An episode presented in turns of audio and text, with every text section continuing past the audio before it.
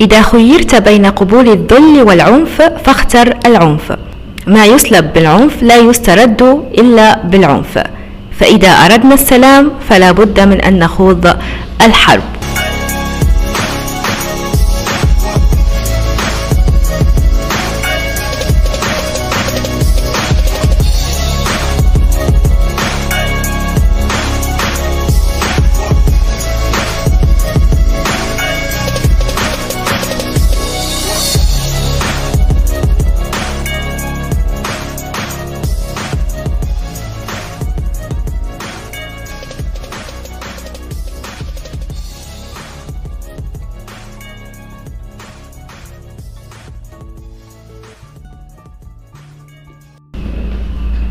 مرحبا بكم مستمعين بودكاست إنسات معي أنا زهرة الحسناوي. حلقتنا اليوم حتكون عن قانون الحرب مع الأستاذ محمد الزوي محامي وباحث في مجال القانون الدولي مدرب في مجال القانون الدولي الإنساني لدى منظمة جنيف السويسرية. محمد الزوي عضو مؤسس للمنظمة الليبية لنشر القانون الدولي. حلقتنا اليوم حنتعرفوا على قانون الحرب. البعض يتساءل كيف يكون للحرب قانون. نعم هناك قواعد تنظم الحرب. سنتعرف على هذا القانون مع الأستاذ محمد الزوي الذي سيحدثنا مبدئيا عن ما هو القانون ومبادئ هذا القانون ومصادر القانون. والصلاة والسلام على سيدنا رسول الله وعلى آله وصحبه ومن والاه. وبعد آه، مشكورة السيدة زهرة الحسناوي على هذه الاستضافة وإن شاء الله ربي يقدرنا نقدموا شيء يعني يستفيد به المستمع. وموفق إن شاء الله في في هذا البرنامج. يا رب. الشكر لك أستاذ محمد على استضافتك لي في المكتب لتسجيل هذه الحلقة. محمد حتحكي لنا عن تعريف قانون الحرب وعلى, وعلى مصادر قانون الحرب وما هي مبادئ هذا القانون. بسم الله الرحمن الرحيم. بداية الحرب يعني من نشأتها ومن منذ القدم آه، ما كانتش آه، حرب هيك شعواء ملهاش حدود ولا لها أي ضوابط. الحرب اليوم أصبح لها قانون بمعنى منصوص ومكتوب لكن هذه المبادئ والقواعد موجودة ويعرفوها البشر يعني منذ القدم. ممكن الآن تم تقنينها وتطويرها والاهتمام بها بشكل أكثر ولكن هي هي في الواقع موجودة.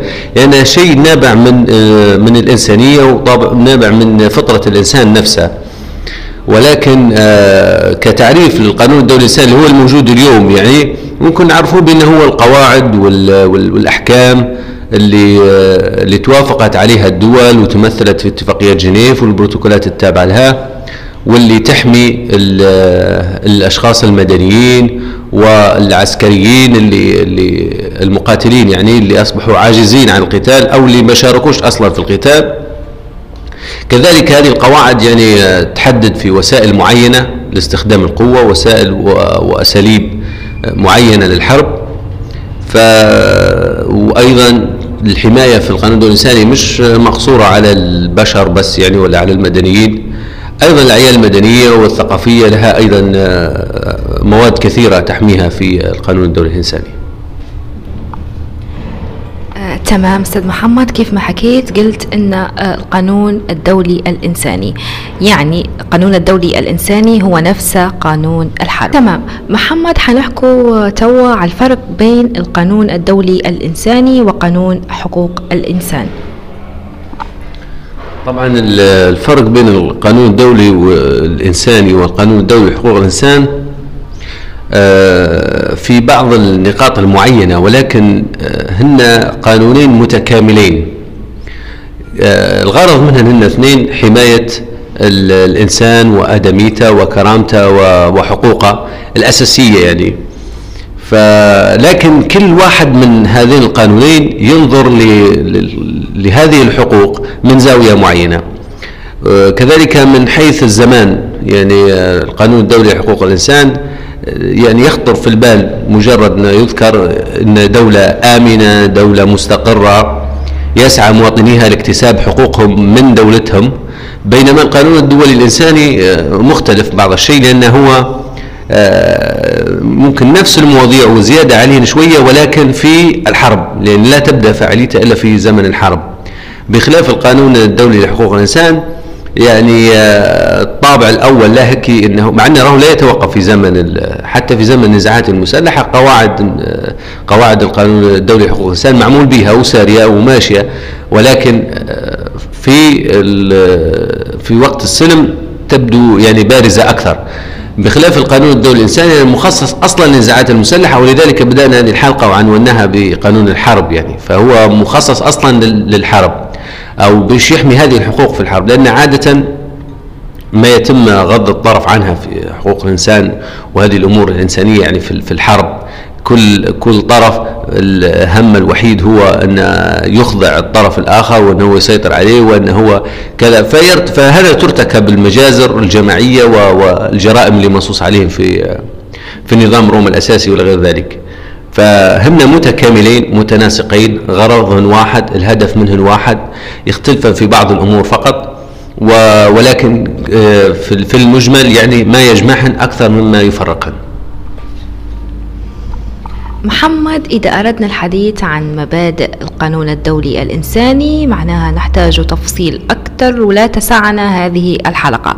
ولكن سنذكر بعض منها والبعض المفيد فقط في هذه الحلقة. حيحكي لنا محمد على هذه المبادئ. نعم هو القانون الدولي الإنساني يعني يشتمل على عدة مبادئ. منها مبدأ الإنسانية ومنها مبدأ التناسب منها مبدأ الضرورة الحربية أو الضروره العسكرية. آه هذه المبادئ طبعا هي أسس آه بني عليها القانون الدولي الإنساني.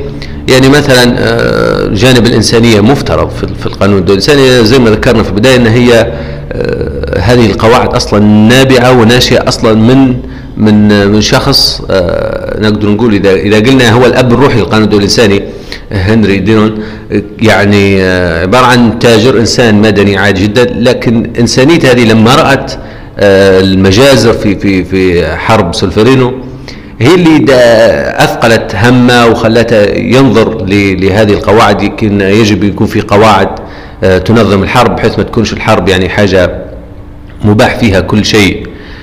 فالإنسانية آه، ركن مفترض يعني من من هذه المبادئ بأن حق الإنسان في حمايته في حياته في آه، في في سلامته الجسدية في أن لا يقامن عليه التجارب البيولوجية والجرائم الإبادة الجماعية والجرائم يعني كافة. فهذا مبدأ من مبادئ القانون ومبدأ الإنسانية. آه، أيضا عندنا مبدأ التناسب.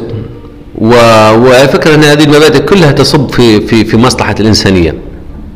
مثلا مبدأ التناسب يقضي بالتناسب بين الهدف العسكري اللي نحاول نستهدفه وما بين الضرورات الإنسانية. فيجب علي أننا نقدر يعني هل الهجمة اللي قمت بها شنو تحصل عليها من وراها؟ ما هو المكسب العسكري المرجو من وراء مثلا هذه الهجمة ولا من وراء هذه الغارة؟ شنو هو المكسب العسكري؟ هل هو الغرض التدمير ولا الغرض هو إخضاع العدو. فمن هنا يعني آه، يخطر على البال المبدأ الآخر من مبادئ القانون الدولي الإنساني وهو مبدأ الضرورة الحربية. الضرورة الحربية هذه آه، وهذا مبدأ يسعى إلى آه، يعني زي ما نقول إحنا أو يقضي بأن استخدام القوة يجب أن يكون بالقدر اللازم لتحقيق ميزة عسكرية مش أكثر. يعني الغرض ما هوش التشفي ولا الانتقام ولا الأعمال العدائية اللي لا مبرر لها. يعني أنا نستخدم في القوة من أجل أننا آه، نتحصل على مكسب عسكري معين. لكن مجرد أنك أنت تخضع العدو شنو المكسب اللي, تبيه أكثر من هيك؟ مثلا التمثيل بالجثث و وإلى آخره. هذه لا يمكن أن تدخل تحت الضرورة العسكرية. فالضرورة الحربية تقضي بأن آه، من يستخدم القوة يجب أن يستخدمها للغرض اللازم لتحقيق ميزة عسكرية فقط وليس لغرض التشفي آه، تمام محمد على ذكر الضرورة الحربية وحالات الضرورة والطوارئ. حالات انتشار الأوبئة في البلاد هل تعتبر هذه الحالات من حالات الضرورة؟ وهل يوجد شيء في القانون الدولي الإنساني ينظم أو يضمن حقوق الإنسان في حالة انتشار هذه الأمراض؟ هو نحن ممكن نفرق ما بين آه انتشار المرض أو الوباء في في وضع طبيعي وما بين آه نشر هذا المرض مثلا في في في وسط الحرب من باب آه، بث الهزيمة أو من باب استخدام هذا هذه الأمراض أو الفيروسات في الحرب. طبعا في الحالة الثانية هذه تشكل جريمة بالتأكيد وجريمة ضد الإنسانية. بينما في الحالة الأولى أحيانا يظهر مرض وينتشر وهذه حاجة طبيعية جدا يعني. فالحالة الأولى لا يناقشها القانون الدولي الإنساني لكن متى تبين بأن في آه، طرف معين آه، قام بهذه التجارب الغرض منه أنه هو يبيد آه، فئة معينة ولا يبيد عدو له بهذه الطريقة؟ فهذه بالتأكيد جريمة من من من جرائم الحرب. بالضبط حاولنا تبسيط هذه الحلقة حتى يسهل فهمها لغير المتخصص في المجال القانوني مع الاحتفاظ بروح المصطلحات القانونية التي تعتبر عنصرا لازما لفهم سياقاتها العلمية. بكل تبسيط وبكل شرح فهمنا ما هو القانون الدو... القانون الدولي الإنساني أي قانون الحرب وميزنا بينه وبين قانون حقوق الإنسان. أتمنى لكم استماعا ممتعا ومفيدا وجرعة صوتية قانونية ثرية.